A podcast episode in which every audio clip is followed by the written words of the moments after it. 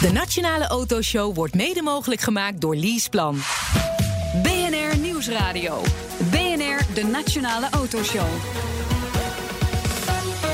Meindert en Wouter. Bij de oprichting waren eigenlijk nauwelijks auto's in het Nederlandse straatbeeld. Toch bestaat de Koninklijke Nederlandse Automobielclub al 120 jaar. Ja, dat moet gevierd worden. Zeker. Zolang dat nog kan. Hè? Want Oh, ja, al die joh. milieuregels, dan eh, kan het allemaal niet meer. Mag dat niet. Mogen ze alleen nog maar in de kelder staan, die auto's. Welkom een uur lang. Alles over auto's en mobiliteit hier op BNR. Meepraten kan natuurlijk via Twitter, het BNR Autoshow. Straks in deel 2, ook wel bijzonder, Wouter Carver. Ja, hè, dat is zeg maar de kruising tussen een motor en een auto met dat Ja. hele bijzondere kantelmechanisme. We hebben net een rondje gereden al. Hè? En Ja. eh, wij zeggen, er komt een doorstart. En daar gaan we het over hebben. Oké, Spannend, hè? Driewielers. Ja, Driewielers. Ja, schooit echt wel een beetje over een andere boeg. ja. Goed, we beginnen met de Koninklijke Nederlandse Sommige Automobielclub. mensen moeten over deze grap nadenken. Dat is helemaal leuk. Kijk even een filmpje van Carver en dan, ja, eh, dan ze je krijgen het. een week de tijd hè, daarvoor. Eh, we beginnen met de Koninklijke Nederlandse Automobielclub. De KNAK bestaat 120 jaar. Ja. De gast, dit, ja, is lang hè. De gast dit half uur, de voorzitter van de KNAK, Wouter Kolf. In het dagelijks leven namens de VVD, burgemeester in Dordrecht. 120 jaar, gefeliciteerd. Nou, zie ik direct aan u dat u niet 120 jaar de voorzitter bent geweest. Hoe lang bent u al voorzitter? Ik ben nu ongeveer een jaartje voorzitter en een jaar of drie, eh, vier als bestuurslid eh, betrokken bij de KNAK. Eh, heel trotse voorzitter, want dit jaar bestaan we inderdaad 120 jaar. En de eerste 15 jaar daarvan waren we nog niet koninklijk, maar de laatste Nee. 105 jaar wel. En zoals u net terecht zei, bij de oprichting reden nog maar een paar auto's Ja. rond in Nederland. Een stuk of tien. En toen vond men het nodig om, eh, om, een, eh, club. toch? om een club op te richten. En eh, die club die bestaat op de dag van vandaag. Ja, Zon, en- zon wel een beetje exclusief was het toen. Maar ik, ik heb toch een beetje kortsluiting in mijn hoofd. Want ik kreeg altijd gemeentes, burgemeesters, milieuzones, autohaters. En dan, is- dan staat hier voor ons de burgemeester van Dordrecht. En die is ja, wel een beetje autofan dus. En, en, en voorzitter zelfs van de KNAK. Ja, klopt. Ja, de, ja, ja, kijk, burgemeesters en gemeenten zijn natuurlijk bezig met hoe houden we Nederland mobiel. Ja. Hoe maken we mobiliteit duurzamer? Hoe maken we het milieu eh, eh, aantrekkelijker en Ja. beter? Eh, maar dat hoeft elkaar niet in de weg te staan als je ook gewoon van autorijden houdt. En Ja. geniet van het rijden in auto's en zeker in bijzondere auto's. maar geen milieuzone in Dordrecht dan? Nee, die is er bij ons nog niet. Maar dat zou, echt niet, het zou een politieke keuze Ja. kunnen zijn. Eh, volgens mij is die niet in de maak als ik het, eh, als ik het zo een beetje volg. F- Nou ja, je bent eh, een middag weg en je weet nooit. Hè, als Nee, de nee, van ik huis schat- is. Ik schat in dat als ik terugkom dat hij er nog steeds niet eh, is. Maar de knak heeft inderdaad wel duidelijk een, op, een mening ook over eh, milieuzones.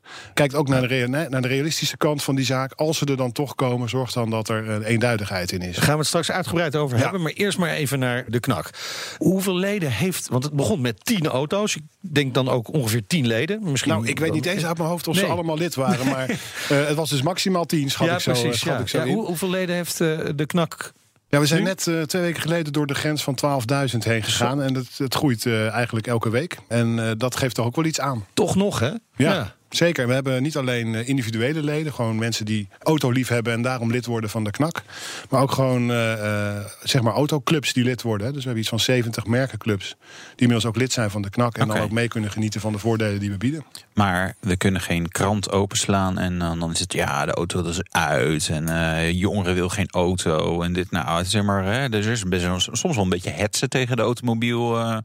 Hoe kan er dan toch groei zijn? Nou, ik heb wel geleerd dat niet altijd alles wat in de krant staat waar is. Nou ja, dat is, Eh, dat is wel correct. vanuit ja. mijn huidige professie heb ik dat wel geleerd. Ja. Dat, dat is nou eenmaal zo. Maar er zijn een hele hoop mensen in Nederland die gewoon ook genieten van autorijden. Die genieten van het hebben van een oldtimer of een andere bijzondere auto. Eh, of een auto die voor hen een hele bijzondere betekenis heeft. Dat kan ook gewoon een Deux Chevaux of een O4 eh, zijn. Wij vinden dat we Ja. daar toch ook voor moeten opkomen. En eh, er is eigenlijk helemaal niks mis mee met vooruitgang combineren met genieten van. Toch hoor je dan, als we die artikelen in de kranten dan wel een beetje mogen geloven, dat vooral de jongeren niet meer zo geïnteresseerd zijn in auto's. En we weten dat Nederland vergrijst. Is de aantal leden, mensen, de, de leden van eh, de knak ook aan het vergrijzen? Zijn dat Maar kijk, die term vind ik ook wat ingewikkeld. Want ik kijk naar u. U ziet er allebei niet heel oud uit. Ik ben zelf ook pas 41 en ik ben Ja. toch al een jaar of 15 grijs. Dus Ja. die term die gaat ook niet helemaal komen ze samen. af en toe ook door. Ja, zo gaat het. Maar, maar onze leden bevinden zich echt in de categorie 18 tot 99. Ja. En eh, we zijn er ook voor al die, voor al die leden. En eh, die toename die duidt ook wel op dat er toch ook echt wel veel jonge mensen bij komen. Ja, aantal oldtimers neemt ook toe. Nou ja, de vraag is natuurlijk, is- dat is een belangrijke definitievraag. Wat is een oldtimer? We Ja, hebben daar, wat we- is een oldtimer? Ja, wat is een oldtimer? Wat Ja. is een oldtimer? Nou ja, Ja. kijk, eh, wij zeggen iedereen die van zijn auto geniet, die zou dat mogen, mo- hè, moeten mogen. Ja. Eh, maar we komen wel op voor een specifieke doelgroep. En we willen eigenlijk ook wel klassiek mobiel erfgoed beschermen. Ja, Eh, en dan heb je het toch wel over bijzondere auto's van een jaar of 40 of ouder. Ja. ja. Eh, dat is ook de Nederlandse grens. In Europa Ja, is, de, precies. is de norm wat lager. Het hè. was ooit 30 jaar. 25. Ja, precies. Ja. ja. Maar eh, wij zien ook wel dat het niet verstandig is om eh, met het ministerie in overleg te gaan om eh, vrijstellingen te regelen voor een Mercedes 190D uit 1989. nee. Hè, het, het gaat echt wel om wat bijzondere auto's of, of auto's die echt wel op leeftijd eh, Ja. zijn. Maar een Mercedes 190e eh 2.5 16 klepper eh, Evolution. Ja, dat dat, dat, eh, niet u, dat weer wel. Maar dat, de- eh, volgens jullie Met definitie is het dus geen- achterop. Ja, Ja, ja, ja, ja, ja. ja, een, eh, de, de- ja, er is dus in jullie definitie eigenlijk ook geen oldtimer. Nou, het gaat, waar het ons lastig, meer om gaat, waar, het, Ja, waar het ons meer om gaat bij ja. het belangenbehartigen wat wij doen. eh, vrijstellingen proberen te, te, te, te, be- te beschermen. Dan gaat Ja. het ons om auto's die niet voor dagelijks gebruik worden gebruikt. Ik bedoel, De voorbeeld dat ik net noemde, daar zou misbruik van kunnen worden gemaakt. Maar als je het hebt over, echt over een auto die één keer in de maand of misschien twee keer per maand uit, uit de schuur wordt gehaald voor een leuk ritje. Ja, dat willen we gewoon mogelijk blijven maken. Ook eh, onder de huidige wat strengere. En- en hoe eh, doen jullie wetgeving. dat? Nou, dat doen we op verschillende manieren. We organiseren hele leuke evenementen waarbij het enthousiasme voorop staat. En dat ook laten zien. We doen vooral ook aan belangenbehartiging, eh, daar waar dat kan. Ook samen met andere clubs, met de VHAK. Richting de politiek, richting Den Haag, Ja. maar ook richting eh, ge- gemeenteraden, kan ik me voorstellen. Ja, ook dat. En we hebben een uitstekend team van mensen onder leiding van onze directeur... die daar eh, dagelijks mee bezig zijn. Als bestuur staan we daar iets meer van op afstand. Maar daar zetten we wel samen de koers eh, voor uit. En daarnaast heeft de KNAK nog allerlei andere voordelen... zoals eh, goede verzekeringspakketten en pechhulp... ook in samenspraak met de ABB. Ja. Dus het is echt een club die bedoeld is om eh, auto, autorijden... en auto, alles wat met automobiliteit te maken heeft... eh, eh, op een enthousiaste manier eh, verder te brengen voor 12.000 leden. Ja, toch wel een hele grote club. Zijn er bepaalde. Wat, wat voor type auto's zien we daarin terug? Of is het heel divers? Wel echt- voorbeelden? Ja, het is echt ongelooflijk divers. We hebben dus... Wat is de oudste die, die er rondrijdt? Nou, ik weet niet wat de oudste is. We hebben binnenkort hebben we een hele bijzondere rally. Daar komen we volgens mij straks ook nog wel even Ja. over te praten. Daar, de oudste die daaraan meedoet, dat is een Mors type R uit 1905. Ja. Eh, toch wel een heel bijzonder eh, voertuig. Er zijn nog wel wat meer hele oude auto's die daaraan meedoen. Maar een, bij ons is een, eh, een, een, een, lid die een Renaultje 4 heeft Ja. of een Deux. En die daar heel veel plezier aan beleeft om daar lekker met een open dakje in rond te rijden, is hartstikke welkom. En daar hebben we ook hele leuke evenementen voor. Ja. En toch blijft het mij dan wel steken. Denk van, we sta- we staan hier als veertigers allemaal. En dan, eh, dan moeten die auto's meer dan 40 jaar oud zijn. Dus eigenlijk de auto's die in mijn jeugd, waarvan ik echt dacht, ja, oh, wat gaaf. En die ik dan eigenlijk wel, wel weer een keer zou willen hebben. Moet, moet, moet ik nog wel even, even wachten tot die het stempel oldtimer krijgen. Want het is allemaal een beetje uit de jaren 80, begin jaren 90. Ja, maar wij kijken ook gewoon naar de realiteit. Ja. En eh, eh, natuurlijk, eh, bij ons is elke automo- automobilist welkom. Je hoeft echt niet per se een oldtimer te hebben. Je kan ook gewoon genieten van de, de dagelijkse auto die je hebt. Maar waar wij op dit moment goed naar kijken... is naar wat voor regelgeving komt er op ons Ja. af. En wat is realistisch vanuit ons perspectief om daaraan toe te voegen. ja. En, en de KNAK is niet een club die, die, die ontkent... Dat, dat er allerlei ontwikkelingen zijn in techniek... en in zelfrijdende auto's en in milieuvriendelijke auto's. Dus daar gaan we ook in mee. Maar we vinden wel dat voor wat eh, bijzondere, eh, zeg maar erfgoedachtige oldtimers, dat daar gewoon ruimte voor moet blijven. Ja. En die, die, die richten ook in de praktijk eigenlijk niet of nauwelijks schade aan. Nee, want wat, wat rijdt een gemiddelde oldtimer een beetje? Hebben jullie daar zicht op vanuit de knak? Qua Kilometers? Nee, nee, qua verbruik. Ja, joh, dat het verschilt nogal per auto. Ik heb, zelf, Nee, nee. ja, ik heb zelf een DAF i ook gehad, die reed 1 op 2. Dat, is, Ja. dat is niet echt een energiezuinige auto, zou ik maar zeggen. Ja. Nee, nee, aantal kilometers zeg maar in een jaar. Wat, wat rijdt? Waar- Heb je daar zicht op? Ja, kijk, eh, dat verschilt ook nog wel. Maar, maar als je het hebt over 5000, is denk ik veel voor de gemiddelde echte Ja, oldtimer. dat is echt denk ik heel veel. Volgens mij is het iets van 1700 kilometer eh, mijn per van de jaar. feitjes. Ja, ja. Dus, dus dat, dat valt heel erg mee, inderdaad. Ehm, krijgt u ook een gewillig oor in Den Haag? Nou ja, natuurlijk is het zo dat als je een steviger achterban vertegenwoordigt, dat dat, eh, dat, dat werkt. Eh, Ja. En zeker als je ook de handen ineen eh, slaat. We hebben onder andere met de VEAC ook afspraken gemaakt. Eh, zij eh, richten zich meer op het MRB-dossier, de, de, de fiscale heffingen. Wij richten ons wat meer op die milieuzones. Er zijn ook nog andere eh, onderwerpen waar, je, waar we mee bezig zijn. En nou ja, dat heeft wel effect, ja. Zoals gezegd, de knak bestaat 120 jaar en dat gaat gevierd worden met een hele mooie rally. Straks hoor je daar alles over. BNR Nieuwsradio. BNR, de Nationale Autoshow. Het is weer tijd voor het nieuwsoverzicht van deze week. En dan Ja. beginnen we maar even met eh, de Porsche 911 GT3 RS. Hij klinkt al snel en dat is hij ook. Ik eh, had niet verwacht dat ze deze tijd zouden halen. Ja, een rondje Nürburgring. Dus een beetje de benchmark voor dit Ja. soort eh, auto's. Eh, duikt onder de 7 Ja. minuten.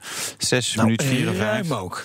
Eigenlijk wel. Wat, wat, het is 24 seconden sneller dan het vorige model. Dus dit, dit is, en dit is eigenlijk alleen maar facelift hè, van deze auto. Hè. Dus dat is even 20 pk Ja, meer. het is niet alsof in die vorige een pannenkoek achter het stuur heeft Nee, gezeten. nee, nee, absoluut niet. Maar wat ik nog bizarder vind, kijk, GT3 RS nee, tegenwoordig heeft 520 pk. SPK. Porsche heeft ook de 911 GT2 RS. Ja. Die heeft 750 pk. Dat is 230 pk meer dan die andere. En die is maar 7 seconden sneller op de Nürburgring. Dus dit is echt een prestatie voor een formaat dat het ding zo ontzettend hard gaat. Eh, over eh, competition gesproken, BMW heeft ook eh, een competition gepresenteerd. de M2 Competition. Ja, dit, dit mag eindelijk een echte M heten. Hiervoor was het natuurlijk een, was het niet het goede blok. Was geen officieel BMW M-blok. Nou ja, echt alsof dat iets uitmaakt, jongens. Maar nu krijgt hij eigenlijk feitelijk dezelfde motor als de M3 M4. M3 gaat er overigens uit hè, dit jaar, maar dat is allemaal moeilijk milieu en dingen. Wel op. Eh, iets minder pk's, 410 stuks. Nou ja, weet je, dit is natuurlijk gewoon eh, meer dan genoeg voor het formaat eh, auto.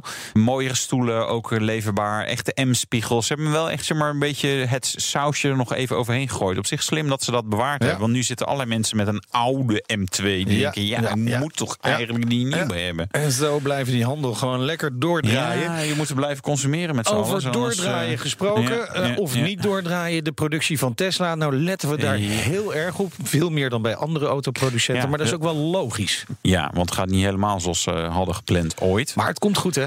Eh, ja, Ja, heeft Elon Musk dan- eh, beloofd. Die ja, gaat ja, naar Elon Musk 6000 per Model week 3's per week. is het idee. En nu Eh, zijn het er. Als je hem moet geloven, hebben ze een keer één week 2000 gebouwd. Maar, dat maar was de fabriek wel, ligt eh, stil, dus het zijn er nul. Nu zijn het er nul. En eigenlijk werkt het alleen maar als, er, als Elon er persoonlijk met een zweep naast staat. En ze willen Maar hij drie slaapt nu in de fabriek, hè? Ja, ze willen drie shifts eh, gaan doen per, per dag. Dus gewoon 24 uur per dag produceren. Wat, ja, en dat kan natuurlijk allemaal in een autofabriek. Dat is, dat is het probleem niet. Nee. Eh, alleen ze hebben wel een beetje extra personeel nodig. En dat is denk ik wel een probleem. Ook om dat op te leiden. Want weet je, als je die mensen nu nog niet hebt, je moet ze nog gaan werven. En ze moeten zeg maar volgende week al meteen volle bak aan de, aan de Nou, en gang er is kunnen. nog een dingetje. Je moet die mensen ook betalen. Ja. Hè? En eh, de cashflow, er Ja. dreigt gewoon een mogelijkheid... dat ze gewoon heel weinig aan die Model 3 gaan verdienen. Dat ze ze misschien wel op een gegeven moment afkrijgen. Ja, is 6000 modellen per week. ja. Maar dat ze gewoon er niks aan verdienen... omdat ze zoveel personeel moeten inhuren. Dat zou Ja. allemaal met robots gaan. Ja, ja, ja, ze zitten in een, eh, in een fijne eh, spagaat. En het probleem wel een beetje nu met Tesla is dat ze elke keer wel hakken over sloot. Halen ze een beetje wat Elon heeft geroepen. Hij riep ook, ja, we gaan naar 2000 eh, per week zo ongeveer. Einde vorig kwartaal. Nou, net gered. Maar ja, alleen maar die laatste week. En wel at great cost, volgens mij. Ja. En hij riep, ja, dat, dat was waar zelfs de Tesla-fanboys over moesten lachen. Dat het, ja, de bouwkwaliteit was echt het beste wat we ooit in een automobielfabriek eh, hadden gebouwd. Ja, nou, ja, dat klopt in ieder geval niet. Nee, dat gold ook voor de Formule 1 motor van Renault. Die was ook niet de allerbeste die ooit was gebouwd. Maar Renault komt met beloftes. Een Ja. snellere Formule 1 Ja, hij motor. nog sneller. Nog Ja, sneller. Nog Nou. een halve seconde sneller. Ja, ja, Nou, nog volgens goed mij inhalen en was je staat op het eh, podium. snel genoeg eh, de, de afgelopen weekend. Dus daar lag het niet aan. Ja, of, ja. Dus zullen we niet meer zeuren over Renault-motoren? Oké. Zullen we Nou, dat gewoon doen? Afspreken nu even? Laat hem eerst, Heel even. eerst even. Ja. Heel even dat. De Petrolhead Check. Ja, die doen we natuurlijk ook met Wouter Kolf, voorzitter van de KNAK en burgemeester van Dordrecht. Klaar voor het vragenvuur op automotive gebied. Kom maar op. Gaan we. Wat was uw allereerste auto? De eerste auto die ik in mijn studententijd had, dat was een Cadillac Fleetwood Brougham met zes deuren en een 5,7 liter V8 motor. Nou, daar kon de hele, hele dispuut kon mee. Ja, zo ging het ook. Ja. We zijn ons aangehouden en eh, voor een alcoholcontrole was het natuurlijk allemaal keurig in orde. Maar toen dacht de politie dat we het orkestje van André Rieu waren. Of was hij toen ook al bezig. Maar eh, op, op, op welke auto bent u het meest leeggelopen? Is dat ook die Cadillac geweest? Ja, dat denk ik wel, ja. Maar dat gelukkig was die van zeven, wa- wa- waren we met z'n zevende eigenaar. dus dan kun je de kosten een beetje Toen al delen. autodelen. Ja, ja, heel hip. Ja, inderdaad. zeker. Ja. Uitgeschreven. Wat is uw reële droomauto? Iets wat nog wel een beetje bereikbaar is. Maar nog net niet. Ja, wat is een beetje bereikbaar? Dat is natuurlijk ook heel Ja, arbitrair. nou ja, wat, wat zou, eh, zoals het een beetje mee zit in het leven, wat, wat kan er dan nog wel komen? En wat Wat zou- ik, wat ik echt echt heel erg mooi vind, dat is een Ferrari 288 GTO. Ja. Maar dit is niet Ja. echt, dat is niet echt, die heb ik niet elke dag bij me qua kosten, zeg maar. Nee, nee. Ja, ze schrijven niet af, dat is een voordeel. Nee, dat is een voordeel. Dus Het is een goede dat, is, belegging. dat is normaal. Dat zijn dat de grootste autokosten. hele reële droomauto. Zo zou dus. ik dat thuis verkopen. Zo is dat. Komen we bij het eindoordeel. Uitmuntend. Ja, dat komt natuurlijk ook niet anders. De Petrolhead Check met eh, knakvoorzitter Wouter Kolf, tevens burgemeester van Dordrecht. Mogen duidelijk zijn, u bent een petrolhead. Hoe is dat ooit zo gekomen? Nou, dat is wel een beetje met de paplepel ingegoten. Mijn vader die sleutelde in zijn eh, jonge jaren al mee aan de auto van Karel Godet de Beaufort tijdens de Formule Oh, 1 tijd in eh, de tweede helft jaren 50. Hij heeft zelf ook autorallies eh, georganiseerd. Eh, en mijn broer eigenlijk ook. Hè. Die, eh, die heeft eh, klassieke Alfa's eh, gerestaureerd en op Zandvoort gereden. Ging vroeger ook wel eens met hem mee naartoe. Eh, een stukje ouder dan ik. Of althans, ik ben een stukje jonger dan hij. Dus daar is het wel een beetje gekomen. En ehm, ja, ik vind het zelf gewoon ontzettend leuk om eh, af en toe op zondag of zo eens een ritje te gaan maken in eh, mijn eigen oldtimer. Ja, en welke is dat? Dat is een Porsche 912 uit 1968. Kijk, Eh, wel een, viercilinder, een heel viercilinder- bescheiden. een viercilinder Ja. Dat is eigenlijk meer een auto voor iemand van mijn lengte, denk ik. Nou, nee, die Porsche die is dus dat uitstekend geschikt voor iemand van 2 meter 3. Er zit geen middenconsole in. Je Ja, kan je dat been lekker naar rechts eh, Nee, neerleggen. ja, maar sowieso een 911 is in principe hardst, ja, eigenlijk een hele praktische auto, zeg ik altijd. Ja, ik ben het thuis ook een beetje aan het formatteren. dat begrijp je. Nee, maar het is een hele basale auto. Inderdaad, vier cilinder. Er zit eigenlijk niks op. Er Nee. zit geen hoofdsteun in, en Ja. geen gordel in en geen Ja. zonneklep in. Het enige wat extra is, is een vijf versnelling, vijfde versnelling. Ah, oké. Ja, Dat rijdt wel. Wat een luxe. Ja. Waarom geen 911? Als je als kind een sportauto tekent, dan teken je denk ik toch een beetje die vorm van een Ja. Porsche 911 of een 912. Ja. En die, ik hou eigenlijk wel, als het gaat om klassieke auto's, om oldtimer, hou ik wel van het meest basale eigenlijk. En Ja. dat is die 912. Ja. Dat noemden ze vroeger de Poormans Porsche. Ik vind het gewoon een hartstikke leuk ding. Ja. En hij is heel mooi. Ja, het zijn, nee, het zijn, er is echt niks mis, maar hij rijdt ook gewoon nog steeds hartstikke leuk, dat soort Hij heeft auto's. eigenlijk een betere wegligging dan de ja, 911. ja, ja, veel zwaar blok. Ja, dat zeggen altijd over de viercilinders. Ja, die rijden ja. minder, want ja, wel wat meer power. Nog meer klassiekers in bezit? Nee. Nee? Ik heb wel andere gehad hoor. Ja? Maar, eh, maar Zoals? dit, ik heb nog een Jaguar XC12 gehad uit, Ja. eh voor mij uit 78. Nou, ja. En nog een, ook een hele eh, betrouwbare auto hoor. Nou, die heb ik heel kort en gehad. zuinig. Die heb ja. ik heel kort gehad. Eh, eh, en een eh, Mercedes 280 SL heb ik ook gehad. Ja. Dat is, eh, Maar gehad, dat is eigenlijk misschien wel jammer. Nou ja, ja, op een gegeven moment dan denk je van het is tijd voor wat anders. En dan doe je hem weg. En een Ja. tijdje later kom je eh, de volgende tegen. En dan denk je, ja, dat is ook wel leuk. Ja. Maar, maar je hebt ook niet plek voor eindelijk. Het is geen museum of zo. Nee. Maar is, eh, spijt van een auto die, die u weg heeft gedaan, die u er eigenlijk wel eens had willen houden? Nee. Nee? Nee, dan moet je gewoon eh, snel een punt door. achter zetten. Ja, en eh, gewoon de volgende kopen naar en dan- voren. ja. Ja, ook niet gezien de prijsontwikkeling van de klassieke auto's. Nou, eh, precies. Dat Want is dan had, dan had die Ferrari er misschien al wel kunnen Nee, zijn. zeker. Dat is dan, was dan beter geweest. Maar Ah, met een XC12. Nou, ja, ja. Het- Ze zijn weer op de retour, hè, de prijzen. Dus eh, gewoon wachten. Dan horen ze hij was weer heel slecht hoor, die XC12. Die was heel slecht. Komende week eh, vieren jullie 120 jaar knak met een eh, speciale rally Parijs-Amsterdam, georganiseerd door eh, Classic Events. Ja. Waarom is er gekozen voor Parijs-Amsterdam? Nou ja, dat was in 1898 ook een, eh, eigenlijk de eerste eh, rit die over de grens heen ging. Eh, Europese rit. Eh, Parijs, Amsterdam, Parijs heette die toen. En aangezien dat het precies hetzelfde jaar is als onze oprichting, Kijk. vonden we dat een hele Ja. leuke aanleiding om die rit opnieuw te organiseren. En dan wel met eh, inmiddels 80 auto's die meedoen. Die uiterlijk in 1945 gebouwd mogen zijn. Dus zijn echt hele oude auto's die mee mogen rijden. Ja, dat zit helemaal vol. Het enthousiasme is groot. Is dat pre-war dan? Want eigenlijk denk ik dat 1945 was de eh, oorlog eigenlijk ook geëindigd. Hè? Dat is Ja, dat klopt. ja, Dat laatste is een feit. Eh, Niet overal in de wereld over, Nee, maar, ja, maar wel de oorlog waar het over gaat. Nee, het pre-war is eigenlijk inderdaad het uitgangspunt. Maar we hebben vier categorieën en de laatste categorie loopt tot 45. Wat rijdt er allemaal een beetje mee in de rally? Van alles. Echt een heel mooi palet aan auto's. 80 auto's, zei ik al. Het is misschien leuk om een paar, de echte, de oudste te noemen. De Morse Type R noemde ik al, Ja. uit 1905. Die rijdt mee. Eh Spijker 1522. Three-quarter Landau LED uit 1906. Eh, ook een heel bijzondere auto. En een IAC Autobuggy uit 1907. geestig. Dus dat zijn wel eh, toch wel unieke exemplaren. En ja, wat ook wel heel mooi is, is een Rolls Royce Silver Ghost uit 1910. Zo gaat het lijstje door. Het zijn Ja. 80 auto's eh, die, eh, die aan de start verschijnen en hopelijk ook de finish halen. En waar rijdt u? eh, u rijdt zelf mee, neem ik aan? Nee, ik rijd niet Nee? mee, want ik heb geen auto van voor 1945. Ook niet kunnen lenen van iemand? Nee, nee, nee, nee, het spijt me zeer. Nee, bestuurlijke verantwoordelijkheid dragen doet soms pijn. En dat, Ja. dat is bij deze rally ook zo. Ja. Het- Story of is, your life, Het is hè? natuurlijk een Ja. hommage een beetje aan, aan, aan destijds, de rallies van toen. Ja, Toen waren rallies meer bedoeld om te laten zien aan de mensen wat een auto wel niet kan. Het modernste, het nieuwste van het nieuwste. En nu rijdt daar het oudste van het oudste. Ja, het klopt. Het is eigenlijk om te laten zien dat de auto een stuk betrouwbaarder was eh, zeg maar dan het alternatief van toen, namelijk paard en koets of paard en wagen. Ja. Ja. nu is het inderdaad meer om te laten zien wat er destijds eh, gebeurde en wat er zo mooi is. En om, en om vooral een vleugje van de, van de historie eh, te laten zien aan het hedendaagse publiek.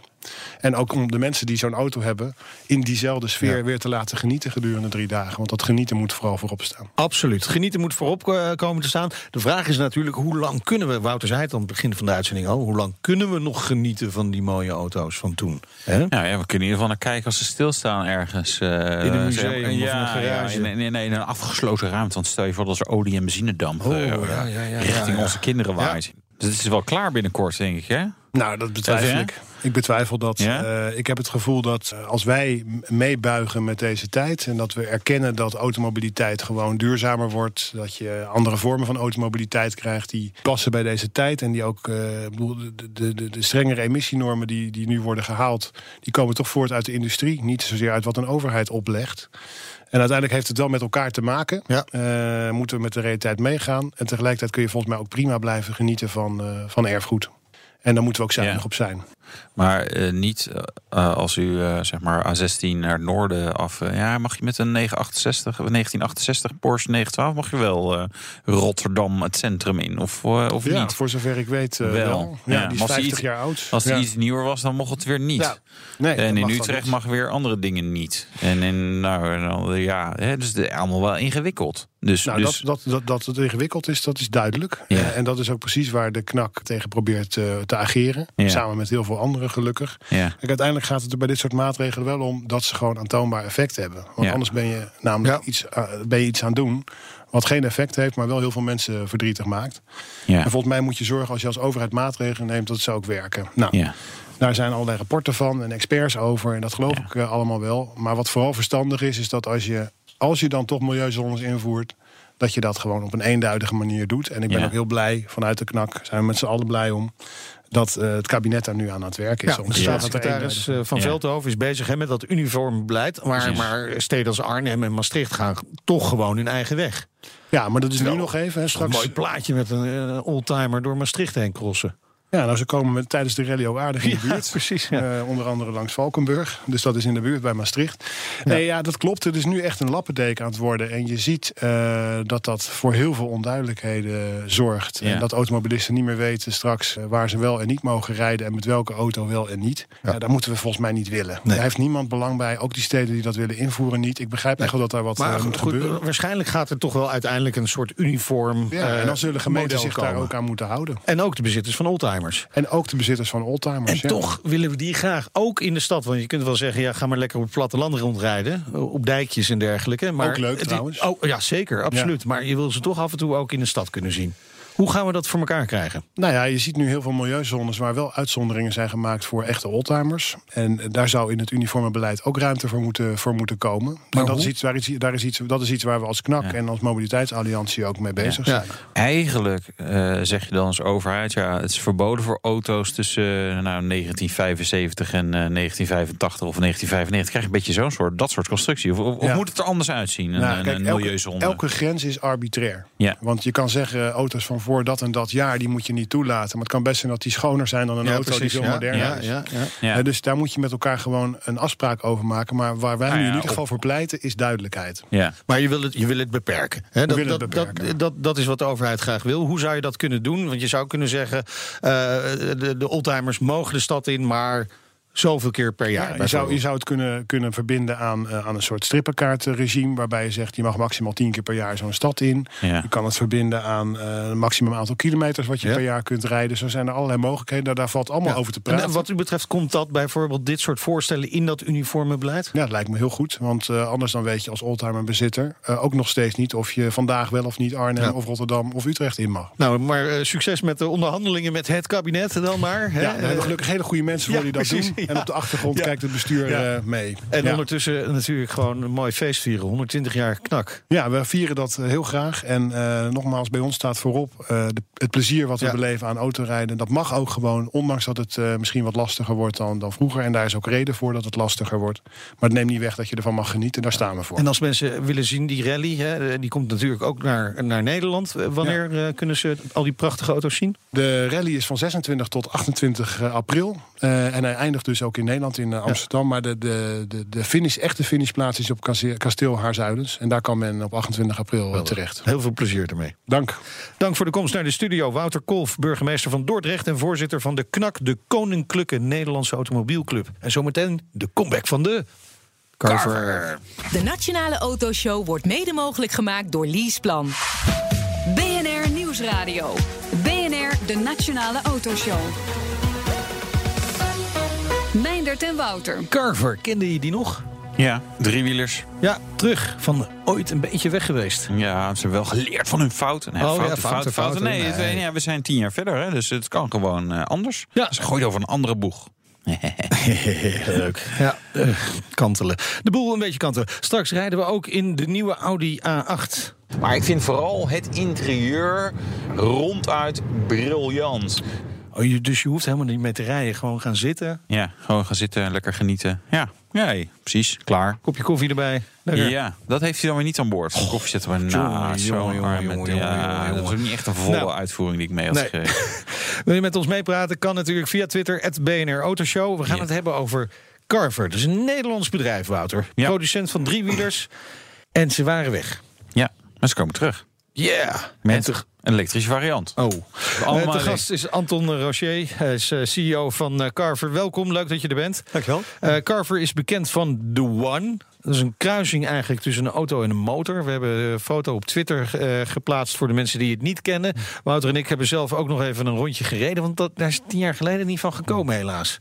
Ja, dat is toch opmerkelijk, want jullie rijden eigenlijk in alles. Ja. Ja. Het is niet zo dat nou helemaal geen enkele journalist erin gereden heeft. Dus, eh, nou ja, opmerkelijk. Ja, ja, opmerkelijk. Maar goed, maar goed, vandaag het is, goed gemaakt. Uiteindelijk Dus- is het goed precies. gemaakt. Het was een eh, bijzondere ervaring. Neem ons even terug naar die tijd. Hoe begon het met, met Carver? Nou ja, het begint eigenlijk, maar dan moet ik een stukje verder terug als ik eh, dat mag. eh, met eh, Tom van der Brink, een succesvolle ondernemer. En die stond in Parijs met zijn auto compleet vast in de wielen. En die dacht, die keek op zich heen en dacht moet van, anders kunnen. Dat moet slimmer kunnen. Ja. Zag scooters en, en, en motorfietsen tussen het verkeer doorgaan. En Nou, dacht en van, daar in Parijs, dat dat, maar dat doen ze link daar in Parijs. Precies. Dus het gevaar daarvan. En bovendien regende het pijpenstelen. Dus hij dacht van ja, echt comfortabel is dat niet. Vandaar dat hij dacht, ja, je moet eigenlijk een combinatie maken van het gemak en, en de wendbaarheid van de scooter. Ja. En de veiligheid, het comfort van een auto. En daar is eh, uiteindelijk zijn zoon Chris van der Brink samen met Harry Kronen mee aan de gang gegaan. Ja. Maar dat bleek nog niet eenvoudig. Dus dat heeft een hele tijd geduurd voordat ze daar echt een, eh, een goede oplossing voor hadden. En toen ze dat hadden. Ik zal maar meteen verder gaan. Want Ja, ja, ja, ja, wij gaan even koffie nee, toen halen. Ja, toen eenmaal Hey. was eigenlijk de bedoeling om die technologie eh, te verkopen. En eh, voor, voor fabrikanten om daar verder mee te gaan. Ja. Eh, maar er was nog onvoldoende aandacht. En toen hebben ze eigenlijk de One gebouwd als uithangbord.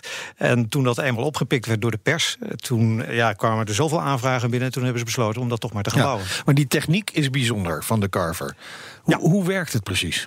Nou, het gaat een beetje te ver. Maar waar het eigenlijk om neerkomt, ja, het is, het is Nou, zo oké, complex. niet helemaal precies, maar wel een beetje. Nou, als ik alleen al een voorbeeld geef, eh, het verschil tussen een auto en een, en een, en een fiets of een, eh, een scooter. Als je met een scooter naar rechts gaat, dat weet je eigenlijk niet. Bij de fiets, dan stuur je ietsje naar links. Ja. Daarom val je in de bocht naar rechts en zo ga je de bocht door. Nou, een auto doet dat natuurlijk niet. Dus als je nou een auto wil hebben die meekantelt als een scooter, kan je je voorstellen dat daar wel een klein beetje intelligentie bij nodig is Ja. om te bepalen hoe je dat doet. Ja, Ja, en hoe doe je dat dan? Gewoon een eh, Ja, soort... dat heeft, eh, ja. ja. precies nu. Ja, nou, nou even precies, dat houden we toch lekker op. Ja. Ja, joh, we het nog- heeft te maken met de stuurkracht. Ja, ja. En daar kwamen ze toen achter. Eh, als je met de fiets met wieltjes rijdt, dan rij je altijd als een auto. En dan Ja. halen ze de wieltjes om, eh, eraf en Ja. dan donder je om. Ja. En dan leer je dus op dat op een andere manier te doen. En dat heeft dus te maken met die stuurkracht. Dat je een beetje tegenstuurt en daarna pas mee gaat sturen de bocht in. Grappig. Ja. Ik ga er toch op letten straks op de fiets. eh, ik ga straks nog fietsen. Fiets jij wel eens? Ja, ik fiets Oh. best vaak. Ik heb gisteren heb ik, ja, ik heb wel auto gereden trouwens. Eén rondje door de buurt met mijn zoon. Die moet Ah, altijd even rondje Ja, die moet rijden. nog wel wat leren. Ja, die moet wel, ja, ja, maar verder heb ik gefietst. Die is al drie of zo? Het? Tweeënhalf. Tweeënhalf, ja. Nee, je kunt niet vroeg genoeg beginnen. Maar, Ja. Maar maar, nog eh, maar het is wel interessant. Wij hebben dus net gereden. Met, we, hebben die ervaring nu met de Carver. Ja, En het, het grappige is, met lage snelheden is het een beetje nog wat, wat instabiel. Tenminste, voor mij was dat zo. Voor jou volgens mij ook, want ik zag je voor je voor me wiebelen. Ja, ja, ja, ja, hij wiebelt dan inderdaad, ja. Dus het is een rare sensatie. En je moet eigenlijk gewoon een, het, het- wat meer de, de mechaniek vertrouwen op de mechaniek dat het Ja. wel goed komt. Ik had op zich niet moeite mee Nee, dat hij dat deed. Maar ik kan me wel voorstellen dat alle mensen denken, oh hij wiebelt. Ik stuur Ja. snel de andere kant op. Ja, dan wordt het nog erger. Ja. Overigens is dat al opgelost bij eh, de huidige versie van het. eh, Oké. Dat is DVC, daar- daar- Dynamic Vehicle Ja, Control. Oké, daar gaan we het straks over hebben. De doorbraak van Carver, want die is er wel degelijk geweest. Ja, er is een hele grote doorbraak geweest. Want toen eenmaal die Carver One was gebouwd, eh, toen eh pikte programma's zoals eh, Top Gear. Top Gear, maar ook Ja. Jay Leno's Garage, die Ja. pikte dat op. En dat waren meteen zulke grote fans dat die daar verschillende uitzendingen aan hebben gewijd. En ja, het, het succes was eigenlijk niet wat we eh, voor ogen hadden. Want in één keer kwamen er niet verschrikkelijk veel aanvragen Ja, ja. binnen. In plaats van dat fabrikanten zeiden van nou, dan gaan wij ermee aan de gang. Ja. Dus het was eigenlijk een ander succes dan dat we gerekend hadden. toen. Laten we even naar Ri- Richard Hammond van eh, de Top Gear luisteren, die in eh, 2003 met de Carver One reed. So it's a sort of a car. Well, no, it's not a car. Because it does this. Whoa! What a sensation! Dat was een bocht, denk ik. Ja, hij maakte toen wat slingerbewegingen. Ja. Dat vond hij geweldig. Ja, ja, ja. Maar dat betekent dus eigenlijk eh, dat, dat jullie eh, veel te veel aanvragen binnenkregen dat niet aankonden. Nou, eigenlijk was er helemaal niet op gerekend om zelf fabrikant te worden. Nee, precies. De bedoeling was om technologieclub te blijven die, dat, eh, die fabrikanten zou helpen om dat toe te passen in hun voertuigen. En ehm, ja, toen is er toch gekozen om dat zelf te gaan doen. Is een productie opgetuigd. Maar ook de Carver One was eigenlijk een, een proto-serie. Dus ook niet ontwikkeld om op grote aantallen te maken. En ja, toen eh, was er nog iets wat gebeurde. En dat was namelijk dat er een Daihatsu-motortje in zat. En Daihatsu werd gekocht door Toyota. En Toyota zei, ja. nou, dat willen we even onderzoeken... voordat we nog meer motoren gaan leveren. Ja, toen stond de productie een paar maanden stil. En, eh, En dan is het toen klaar. was het feest eventjes afgelopen. Ja. Ja. Er zijn er toch nog wel wat gebouwd, hè? Hoeveel stuks Ja, zijn er zijn er 300 gebouwd. Dus natuurlijk niet enorm veel, maar er Nee. zijn er 300 gebouwd. En die rijden over de hele wereld nog steeds allemaal rond. Eh, Een hele af- actieve club ook. Oh ja? Ja, wereldwijd, hartstikke actief. En, Er eh, nog bekende mensen tussen.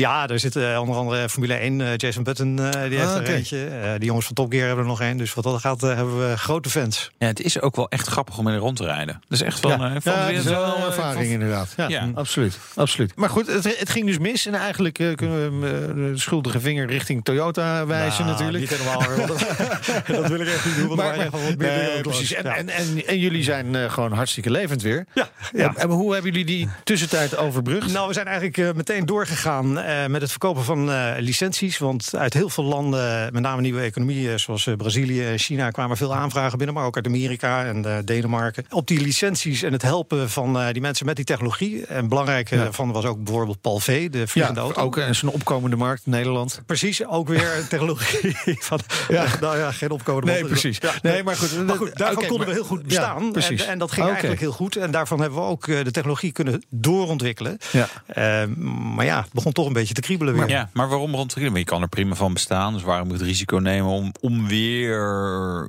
maar zelf iets te bouwen? Er zitten wel wat nadelen ook aan natuurlijk. Ja, er zitten zeker nadelen aan.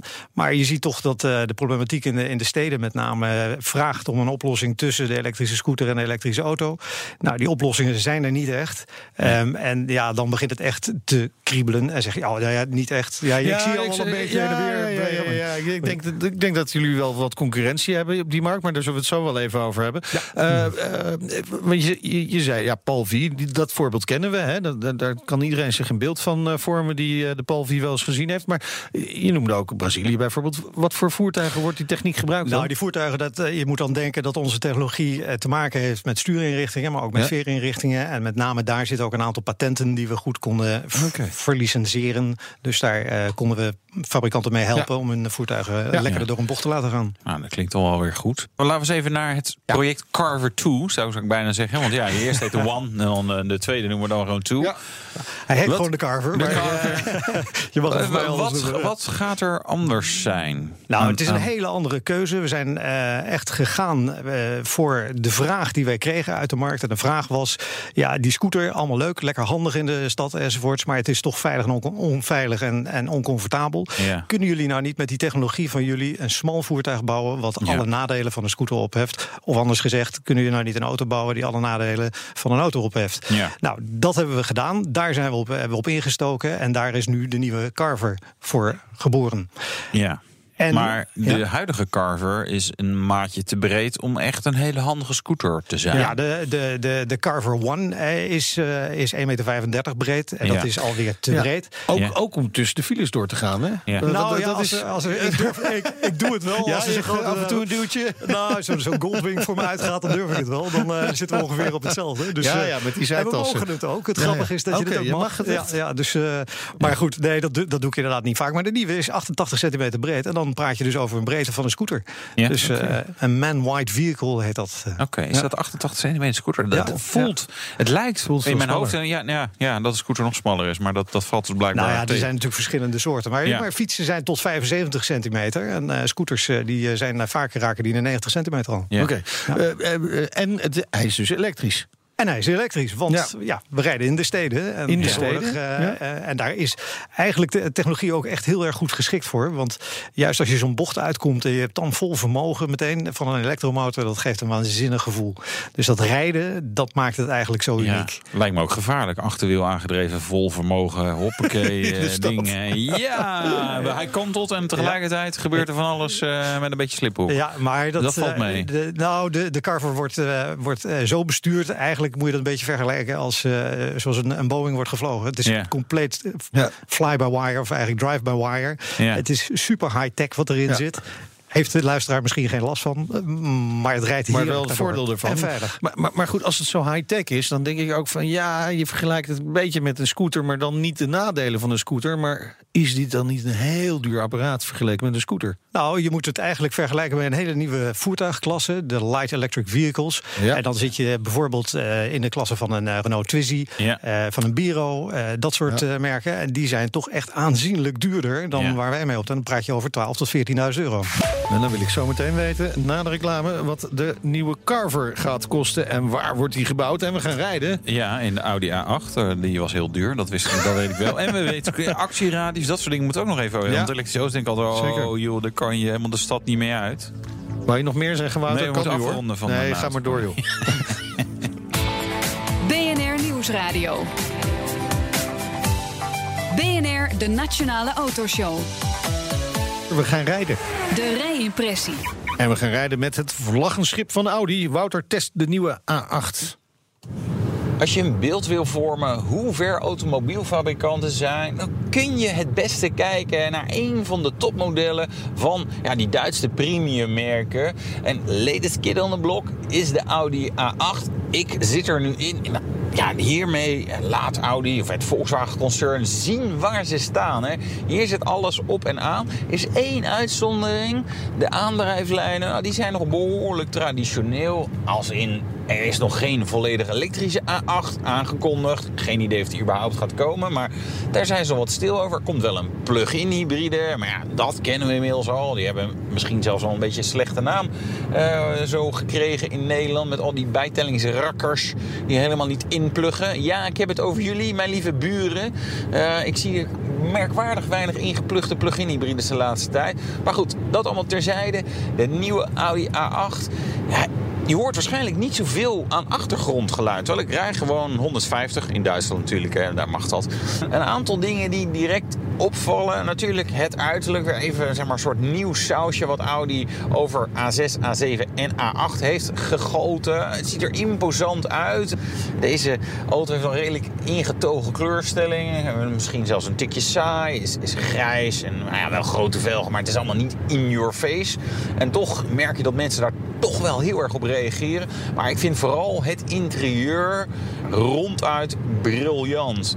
Waar je bij sommige auto's nog denkt, goh, zouden ze ook een optie hebben om iets met een, met een leuk schermpje te doen. Voor mijn neus hebben ze Audi drie grote schermen. Traditionele klokken, die heb je niet meer. Nou, dat kennen we natuurlijk al. Dan hebben we een infotainment systeem, helemaal nieuw. Touchscreen met haptische feedback. Dus hij beweegt even een klein beetje en je hoort een klein knopje wat wordt ingedrukt. Terwijl dat natuurlijk helemaal niet zo uh, aanwezig is.